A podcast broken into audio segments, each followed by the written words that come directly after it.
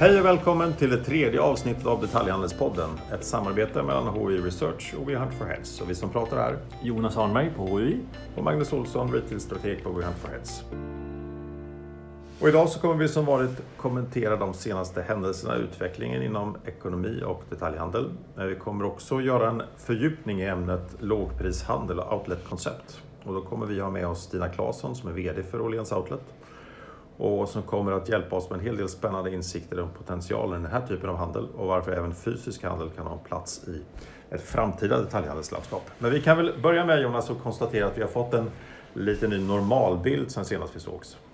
Ja, det är två veckor sedan vi spelade in och jag tycker om vi börjar med dagligvaror så ser man ju där ganska tydligt att vi har ett nytt normalläge. Vi får se hur länge det kommer vara så, men just nu är det, är det tydligt och det är ju att bunkringsbeteendet som vi hade inledningsvis, det är borta. Människor litar på att det finns varor i butikerna och man ser för hela dagligvaruhandeln en ganska kraftig försäljningsökning. Eh, Kommer den hålla i sig tror du? Och hur mycket, Ja, hur mycket bunkring första och bara mycket restaurangbesök som Ja, för det första skulle jag bara säga att jag tycker att men det är viktigt att säga att det är väl kanske inte för all dagligvaruhandel. Alltså ligger man i city, ligger du i köpcentrumläge, gränshandel, där är det ju tomt. Men i övrigt är det ju ändå rejält plus. Eh, och förlåt, vad var frågan? Frågan var hur mycket av det här ökningen i den dagligvaruhandeln är att vi liksom äter mer hemma och hur mycket är någonting annat? Ja, men just det. Och jag tror att eh, eftersom restaurangerna fortsättningsvis är tomma så är det ju en betydande del som kommer därifrån. Det skulle jag absolut säga. Eh, och särskilt eftersom sen bunkringsbeteendet har liksom försvunnit så, så borde ju den liksom försäljningsökningen de kommande månaderna vara lite lägre. Det finns lite i skafferierna att äta. Ja, och det nya, till liksom det nya normalläget ska väl också sägas att e-handeln har fått en rejäl skjuts. Eh, tittar vi på sällanköpsvaruhandeln då så är det kanske inte lika samma normalläge. Alltså man har ju kommit över den värsta krishanteringen och kunnat bli lite mer strategisk. Men vi kan ju fortfarande konstatera att det är väldigt många aktörer som har väldigt stora problem. Eh, med kraftiga försäljningsbortfall så håller man inte så länge. Och det vi ser är ju att räddningspaketen inte riktigt fungerar. Bankerna har ju fått pengar av Riksbanken men lånar inte ut. Eh, För man är inte trygg i att ge ett lån till en retailer trots att staten garanterar lånet. Eh, Och det andra är ju att den här hyresrabatten inte riktigt fungerar. Alltså fastighetsägaren kan ju halvera hyran och få tillbaka ha- halva den rabatten av staten. Vad, det- vad tror du behöver hända för att det ska börja fungera då? För att det är ju ändå ganska konkreta åtgärder. Ja, men jag, jag, re, eller så fastighetsägaren hamnar i ett väldigt svårt läge eftersom man måste ge rabatt till en hyresgäst som man kanske inte tror kommer överleva. De skulle behöva vara mycket schysstare och bara så här direkt ge den här rabatten. Men börjar, börjar man fundera på att utvärdera den ena retailern mot den andra, men det är klart att det är ett svårt jobb. Och vi har ju sett att några har gått i konkurs. Men det som funkar är ju ändå då att sjukfrånvaro, eh, arbetsgivaravgiften som är sänkt, eh, korttidspermitteringarna, när man väl har fattat hur, det, hur man ska göra så fungerar ju det också. Det sänker man ju nu så att man, eller höjer till 80 procent så att man kan gå ner på 20 procents arbete helt enkelt. Mm. Och samtidigt ser vi ju att Sverige är relativt sett, förefaller det nu i alla fall, eh, lindrigt drabbat jämfört med våra nordiska grannländer. Ja, i de kort kons- i, i banker som har tittat på via kortdata då, så ser man ju att Sveriges konsumtion är nere typ 30 procent medan våra grannländer är nere 55, 60, 70 procent ungefär. Så det är klart att det är en rejäl skillnad. Det vi också börjar se är ju faktiskt utfall på till exempel amerikansk retail backade ju 9 procent i mars. I, I nästa vecka får vi ju ut, utfallet för svensk detaljhandel och ehm, det är nog bara att utgå från att det är i den, i den utvecklingstakten det ligger. Och då drar ju dagligvaror upp. Verkligen. Men eh, vi har sen vi sågs också fått eh, fler konkurser sista veckan. En rejäl och en rekonstruktion. Vad säger du Magnus om Intersport MQ? Ja, när vi börjar med MQ så har ju det varit ett, ett sluttande plan rätt så länge. Eh, och här tror jag nätets påverkan kanske har spelat en större roll än, än inom detaljhandeln i stort utifrån vad MKs grundposition var någonstans en gång i tiden. För det var ju det lilla modevaruhuset ute i landet och här kunde man hitta både egna varumärken men externa varumärken och man hade en, en affärsidé som handlade om att man skulle erbjuda det, någonting som var noga utvalt. Och då hade man ju på något sätt i, innan, innan nätet fanns då en, en, en destinationsposition fast i det lilla formatet. Men hela destinationshandeln har egentligen tagits av nätet som var ett helt annat erbjudande och steg för steg så har MQ blivit allt mer irrelevant. Så att coronapandemin i all ära, men det här var på gång innan som vi har pratat om också i de tidigare avsnitten att digitaliseringen påverkade en utveckling som var på gång och accelererade den och coronapandemin har lagt ytterligare en växel på det här egentligen. Men hade det inte ändå varit roligt att få se hur den nya skissen hade funkat i höst med nytt eh, sortiment på plats, nya butiker och så vidare? Absolut, det skulle mycket väl kunna varit spännande men, men samtidigt så tar ju den här förändringstakten så oerhört lång tid. Och det måste vara supersvårt att ligga på börsen och göra det här omställningsarbetet och varje kvartal få gå ut till pressen och försvara de senaste åtgärderna och varför det inte går snabbare. Och för att krasst att, att vända varumärkesutveckling och att få in en ny kund som ska komma om och om igen ett antal gånger inom sällanköpshandeln. Det, det tar helt enkelt mycket längre tid än, än eh, ett kvartal, ett par kvartal, till och med ett år. Mm. Och då är börsen ett jättetufft ställe att, att vara på. Ja, tråkigt. Mm. Men du, Intersport då?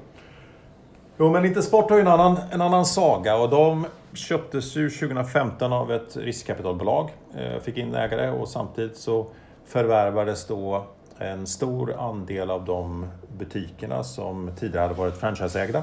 Och tanken var ju att man skulle ha, skapa stordriftsfördelar och gemensamma inköp och styra mycket hårdare för att eh, ja, helt enkelt få, få en, en högre utväxling. Och det låter ju helt logiskt men samtidigt kan jag konstatera att Intersport hade inte det effektiva konceptet. Man hade inte det starka varumärket eh, som hade krävts för det. Och när man sen då tar bort entreprenörskapet som ändå i viss mån kan balansera för beslut som inte är så omsättningsbara på det lokala planet, ja, men då tappar man en viktig kugge i det maskineriet. Och det jag tycker är, är intressant just i Intersport-caset också, det är att här har ju en ägare gått in med en ambition att göra en förändring. Men när den inte funkar, eh, och den har ju inte funkat för bolaget har ju gått i ganska kraftiga förluster även om man säger att utvecklingen vände under förra året. De siffrorna har inte riktigt kommit in än men ägarna nu vill att leverantörer och fastighetsägare indirekt ska finansiera en omstart genom en rekonstruktion. Och, och det här illustrerar också hur viktig ägandeformen är för uthålligheten i det som nu händer och vad man har för ambition med sitt ägare. Är det mm. ansiktslöst kapital eller är det, är det någon som faktiskt är identifierad med sina, sina verksamheter? Mm. Och, och, nu när vi får alla de här konkurserna och rekonstruktionerna så börjar vi också få en ny normalbild i köpcentrumen. Och jag gick en sväng på stan i, i eh, helgen och konstaterade att i det köpcentret jag hade besökte så hade både Flash och Joy och De Axelsson och Polen och Pyret stängt. MQ hade startat sin konkursutförsäljning och Brothers hade skyltar med 70 procent. Det är ju, Nej, det, är, det är ju inte roligt. Fy fasiken. Jag skulle handla sandpapper på Bauhaus och eh, det var så lång kö att det inte gick att komma in. Så det, det, verkligen, det skiljer sig verkligen. Ja, absolut. Eh, Okej, okay. nu börjar det bli dags att släppa in våran gäst. Och eh, vi har ju talat tidigare om hur krisen förstärker de trender som vi redan ser. Och ett par av trenderna är ju att e-handeln växer eh, och det tror vi ju att den här krisen kommer bidra med att e-handeln får ytterligare en rejäl skjuts eh, så fort konjunkturen förbättras. Eh, Det andra är ju lågprisbudget. Det som har växt väldigt kraftigt de sista åren är ju allt från outlets till Dollarstore, Rusta, ÖoB och så vidare.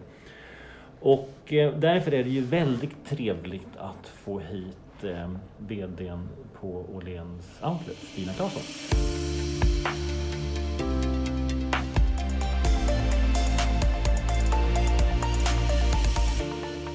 Nu då så hälsar vi Stina Claesson varmt välkommen via telefon. Stina, du är VD för Åhléns Outlet sedan några år tillbaka. Kan du berätta lite grann om din bakgrund? Ja, jag har ju varit 30 år, lite drygt faktiskt, i detaljhandeln eh, och har ju ett förflutet framförallt inom konfektion och inom volym, men också eh, ett, en stor mått med lågpris. Jag började min karriär på Kappahl. Eh, jag har varit på Stadium i många herrans år. Jag var den som eh, fick i uppdrag att starta igång första eh, Stadium Outlet eh, och också skrev ehm, affärsplan och eh, kommersiella planen på den eh, och konceptuella planen.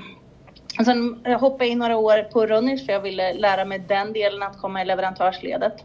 Och sen så öppnades det upp för eh, att rulla ut Åhléns Outlet och det kunde man ju inte tacka nej till.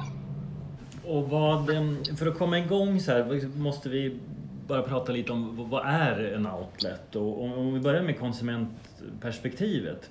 Alltså I vanliga fall upplever jag att konsumenten har blivit mer kräsen i att man är påläst, man har surfat på varan, man kan allt om priset och när man går in i en butik så vet man nästan mer än butikspersonalen. Men i den växande liksom, lågpris och budgethandeln, där, där verkar inte alls det funka. Liksom, vad, vad, är grejen med outlets? Varför är de så upp, omtyckta av konsumenten tror du? Nej, men jag tror, dels är det den delen att, att göra ett bra fynd eller en bra deal, det vill man ju göra. Och sen tror jag att vår, när kunden kommer in till oss så har man inte, man har inte samma eh, mindset när man kommer in. Att man, man, är, man vill bli lite överraskad och, och, man har inte så eh, stora förutfattade meningar vad man söker utan det kan bli lite eh, det landar in i vad som finns. Så att vi kan ju vara mycket, mycket mer Eh, vi har inte ett sortimentslöfte på samma sätt och det gör ju en eh, flexibilitet och också att våra kunder kommer oftare till oss. Om, om alla butiker skulle vara så, då skulle det inte vara, det skulle inte vara roligt. Men, men, men jag, menar, jag, jag förstår vad jag menar. Alltså, att, eh, eh, eller jag förstår vad jag menar.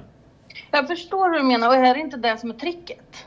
Att andra butiker kan vara lite slätstrukna och har dragit i, man har dragit i sortimentsvarianter och så vidare. Här är det lite mer fluffigt. Man vet inte riktigt vad man förväntar sig. Mm. Eh, och det är väl det också som gör att det blir, man blir lite extra nyfiken på det. Men kan man inte säga Stina att i, till skillnad från ett, ett sortimentslöfte som den vanliga fackhandeln har så har ju ni ett, ett tydligare kundlöfte? Ja precis, mm. det stämmer ju. Ja, men det är ju väldigt intressant. Och om man tar andra sidan och retailen, alltså, hur funkar det? Till, alltså, eh, vad, hur, var kommer varorna ifrån? Hur köper ni in? Hur, hur fungerar det? Ja, en del tas ju ifrån Åhléns, helt klart. Eh, så där har vi en, en, en flöde in. Men sen köper vi extremt mycket partier och klipp. Och det är klart att det är ju också Eh, nu sitter man inte i den situationen för det finns ju så mycket eh, varor i omlopp. Men det gör ju också att vi har en handlingsfrihet på ett helt annat sätt. Vi bakbinder oss inte med grundor, höga grundordernivåer i samma utsträckning som eh, man normalt har. Men vi köper en hel del. Vi, vi producerar också en hel del gör vi. Eh, och det, vi gör det gärna med överskottstyger och så vidare, överskottsfibrer och sånt. Så att vi, vi ser oss som en, en del i kretsloppet. Eh, en, en, kompletterande fråga där Stina. En stor del av detaljhandeln tyngs av att man har de här långa ledtiderna eh, i sina ordrar. Hur, hur, vilket, vilken framförhållning har, har ni när det gäller orderläggning? Vi kan ju lägga en order idag som levereras om två dagar. Så att vi är ju mycket, mycket mer flexibla. Sen är det självklart så att vi har ledtider också. Mm. Så där är det ingen skillnad från oss, men vi köper ju mycket, mycket större andel här och nu. Har, har det gjort att ni är liksom bättre rustade i den här coronakrisen och inte liksom har, måste trycka på stoppknappen för massa beställningar man har gjort som ska förse butikerna för vår och sommar? Ja, både och. Vi har ju faktiskt tryckt på stoppknappen också, för vi ser ju också ett förändrat köpbeteende. Så segment som har varit stora växlas ner och andra segment växlas upp. Och det är klart att där har vi varit blixtsnabba med att ställa om för det. Och också går ut nu och liksom letar inom de segmenten som har gått bra och passa på att göra de segmenten större. Och där kan man säga en stor framgång för oss att vi från en idé till handling, det tar inte många eh, minuter innan vi fattar beslut och så kör vi på det. Kan du ge några exempel på de kategorier som går bra nu? Ja, vi tog in bara ett exempel nu. Vi gjorde en test att ta in lite plantera. Så vi tyckte att ja, men det kan vara bra. Det passar nära trädgård som är en stor kategori för oss. Och det har ju sålt slut bara på en vecka så sålde ju mesta delen slut. Så det är klart att där är vi inne och letar. Den är ett segment som många vill ha. Eh, men den har vi utvecklat och gjort större och köper om mer. Likadant hemmakontor. Träning är ju ett segment som egentligen börjar med ett par tights. Så vi tänkte att ja, men det var väl, vi kom över ett bra, eh, en bra produkt. Eh, och sen nu har det blivit en avdelning för att det är så stort med träning just nu. Du, får jag fråga, nu har ni då jämfört med Åhléns som har sina butiker så har du, har du Åhléns outletbutikerna. Varför har man liksom inte en billig hörna i varje butik istället? Ja, det är en bra fråga.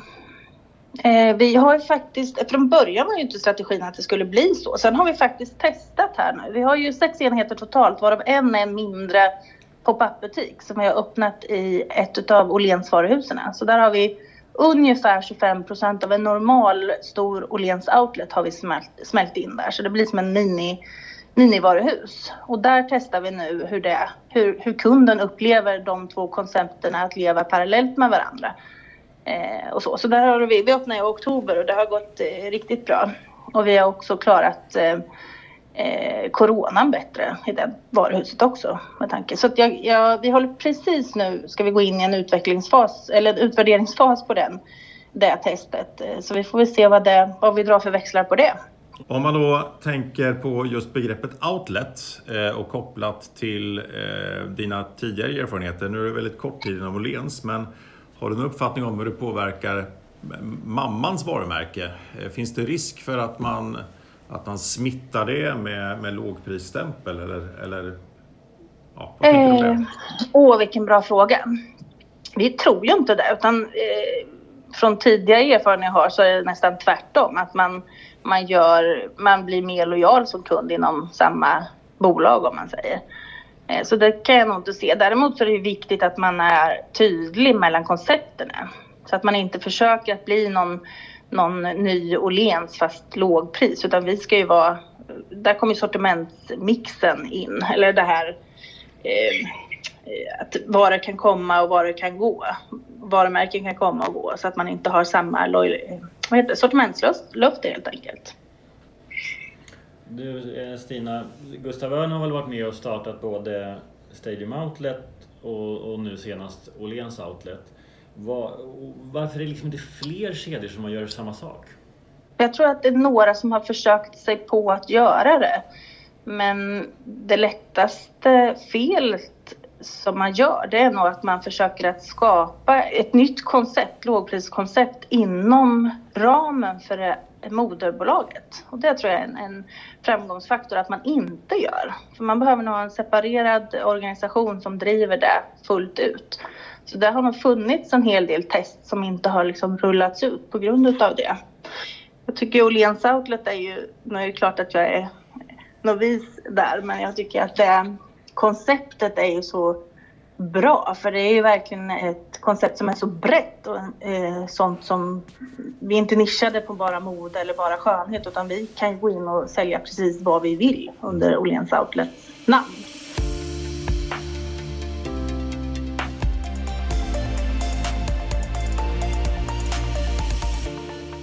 Du Stina, nu förändras ju detaljhandeln ganska brutalt här och har gjort så eh, nu någon månad. Det lär ju bli eh, en och annan tomt läge i våra köpcentrum runt om i landet. Hur tänker ni om etableringar? Har ni någon strategi och ser ni att det finns en möjlighet att gasa i det här läget?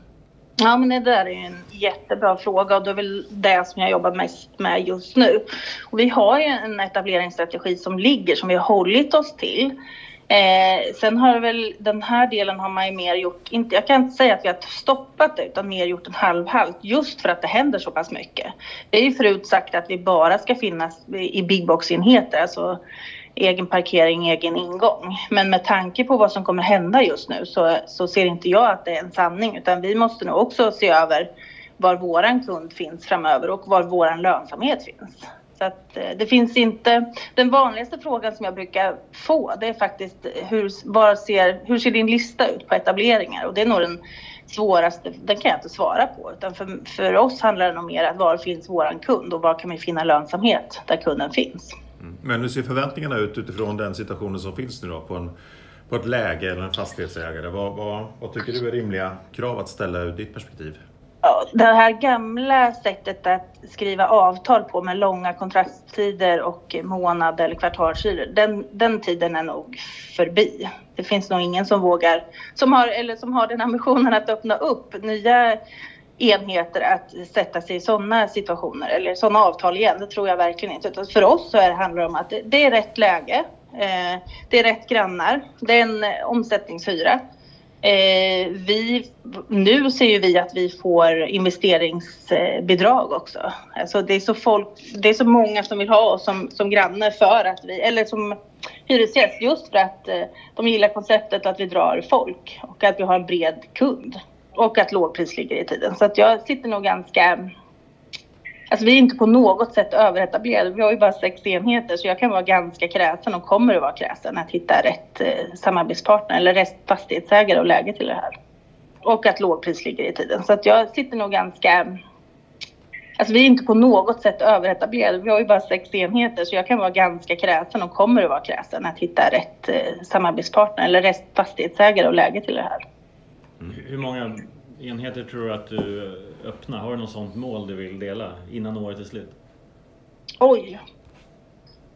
Nej, det kan jag inte dela just nu. Det skulle jag gärna ha velat dela. Men det är nog lite för tidigt att säga. Och jag, det är ju fort, nu är det april. Det har gått fyra månader redan. Mm. Så att, eh, ja, jag vågar inte säga det. Men några enheter till, det hoppas jag verkligen inte blir. Hur snabba är ni på att öppna från beslut? Det beror på förutsättningarna. Ska man tillverka inredning och smacka igång då behöver vi ha nästan 10 veckor, 10-12 veckor. Eh, men om det är så att man går in i en redan befintlig lokal med befintlig och man kryddar det med butikskommunikation då kan vi öppna mycket snabbare än så. Varor är inget problem idag. Utan det är nog snarare mer att, att eh, bemanningen, att få till rätt personer som ska jobba där. Nu får jag fråga, ni finns inte på nätet. Var, varför inte? Och varför, och, och, och, både den frågan men också så här, varför finns ni inte bara på nätet? Ja, det är bra. Eh, ja, jag, jag, kan inte säga att vi inte kommer att öppna upp för e-handel framöver. Däremot så var det nog ett val att börja inom eh, alltså den traditionella butiken, eller eh, detaljhandeln. Men idag med de marginalerna vi har så har vi nog svårt att få lönsamhet på sista raden på det. Det krävs kärlek att, att öppna och göra det här bra. Mm. Eh, och där är vi inte, den bufferten har vi inte idag. Men det är väl också den frågan som vi får mest ifrån kunder i och med att vi inte är rikstäckande så har vi ju väldigt mycket kunder ifrån eh, från både ja, söderut framför allt som undrar de, de, ringer ofta och, eller mejlar och säger att hemsidan ligger nere för man tror att det är liksom en, alla har e-handel idag. Ja. Men, och det, jag, bara, jag bara kan tänka mig att just att presentera varorna måste ju vara enklare på nätet. För då behöver det liksom inte en kartong eventuellt se lite sliten ut eller något sånt där. Men, ja, men det är sant. Men du får inte samma klippkänsla kanske? Nej, och det är svårt också att få in, för jag tror halva grejen man kommer i butiken är också den här volymkänslan. Att det är mycket volym och, och det är mycket intryck och så. Den är svårare, det blir cleanare på nätet. Men som sagt, jag stänger inga dörrar och så, men det ligger inte i pipeline i närtid att eh, öppna upp. Mm. Det är ju intressant att höra att, att ett fysiskt koncept går så bra mitt i den digitala transformationen. Ehm, och det är många som har pratat om att eh, digitalisering kommer att accelerera eh, tack vare eh, coronapandemin. Om du skulle sätta dig, du har jobbat även mycket som, som försäljningschef och, och har en stor erfarenhet av att driva kedjekoncept i, i stort. Vad, vad, är ditt råd för att få den fysiska handeln att fungera generellt framöver? Oh, vilken fråga! Ja, men det är nog att se över sitt erbjudande och sitt um sin idé och köra stenhårt på den. Mm. Är det det som är problemet idag? Att, att, att retail hackar för att man inte har en bra grundidé? Idéerna finns men är det inte så att vi har investerat ganska mycket på online också? Och det har tagit lite kraft ifrån den fysiska butiken. Och sen har man liksom inte hittat riktigt synergierna emellan mm. fysisk butik och online utan de har liksom blivit två parallella spår. Det kan jag tycka är spännande nu med allting som sker. Eh, så, så börjar man se mer synergier emellan på ett väldigt hälsosamt sätt. Mm. Och du som nystartade också, har du en annan kostnadsstruktur än, än den genomsnittliga lite äldre kedjan? Ja, absolut. Ja, men vi, alltså det är samma för oss som, som de flesta inom eh, detaljhandeln. Alltså det är ju hyreskostnader och det är personalkostnader som är våra största eh, ut, utgifter. Och det är klart att våra hyresnivåer är ju lägre än de andra. För vi skriver ju på andra lägen och så vidare. Vi ligger ju inte i centrumlägen på samma sätt. Eh, personalkostnaden så, vi har ju en, en, rationell drift ute i butik och tittar man centralt så är vi bara sex personer som jobbar med hela det här.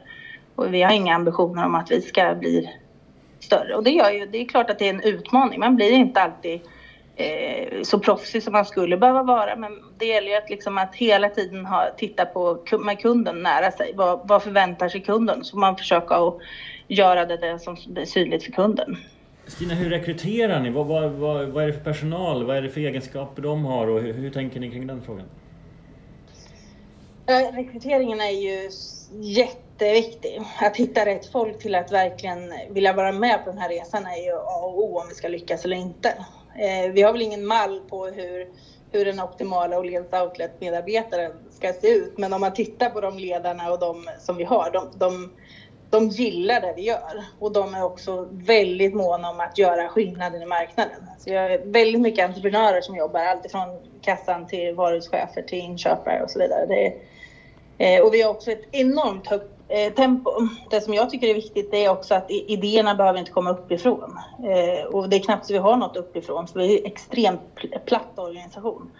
Utan här kan det vara ett sms ifrån en helg extra. Eh, och är det tillräckligt bra så kan det gå till beslut på tio minuter och så kör man ut det snabbt. Så vi är extremt snabba. Så du uppmuntrar alla initiativ? Liksom. Ja. Vi har ju en väldigt platt organisation som sagt var och vi bygger väldigt mycket. Vi har inget intranät utan vi har en stängd Facebookgrupp. Vi har inget eh, fina mötesformer totalt sett utan vi har den bästa dynamiken hittar vi faktiskt i WhatsApp-grupper där vi peppar och utvecklar varandra. Vi är tvingade att, att göra saker och uppleva proffsiga men inte alltid att vi har kompetensen. Men då ser vi till att eh, få den kompetensen och kabla, kabla ut. Vi är väldigt duktiga på att ge varandra beröm. Vi har ingenting som inte är att man kan visa sig sårbar om man känner att shit, det här har jag gjort och det slog inte väl ut. Utan det är en jätteliten tajt organisation mellan de här varuhusen och eh, oss som jobbar centralt. Och eh, ja, vi är väldigt nära varandra skulle jag vilja säga. Och alla anställda är med i den här WhatsApp-gruppen? Inte riktigt alla. Det finns lite olika grupper men, och alla är inte med. Men jag skulle nog kunna säga att om jag på 10 minuter skulle vilja nå 80 procent av de anställda så ja, det tar nog inte ens 10 minuter. Det kan jag göra på någon minut bara. Energi och entreprenörskap istället för att allt ska bli 100 procent med andra ord? Ja, det blir inte alltid alla rätt, men det, något rätt gör vi ju. Ja, det händer grejer i alla fall. Mm. En sista fråga, Stina. Det finns ju också ett en stark, eh, starkt fokus på, på hållbarhetsfrågan i detaljhandeln. Hur ser du att, att outlets och lågprishandel och det här volymtänket som ni har, hur rimmar det med, med ett hållbarhetsperspektiv? Jag tycker det rimmar bra. Det finns ingen, det finns ingen skillnad mellan, om man tittar på oss, Axel Jonsson eller Åhléns, eh, hur våra målsättning eller fokus är gällande hållbarhet. Utan vi har exakt samma eh, krav och mål. Eh, och jag tror att om man tittar på hur, hur vi ser vi, vi brinner väldigt mycket för hållbarhet i vår grupp och det är ju det är nog inte bara vi som gör det, våra kunder drivs också utav det. Vi försöker hela tiden välja eh, hållbar, hållbara material och så vidare och försöker att lägga produktionen, om vi gör någon egen produktion, i lågfrekventa eh, tider och så vidare. Men den stora delen som jag ser det, det är ett extremt överskott av varor och där kan jag se att i, idag förekommer att det slängs och bränns upp varor i världen. Eh, och det blir man ju extremt ledsen utöver. Jag tror inte att vi kommer kunna hantera all den överskott som varken har varit eller kommer att vara framöver. Men vi kommer nog se till att vi är en del av att det inte eh, försvinner varor som inte går till en konsument.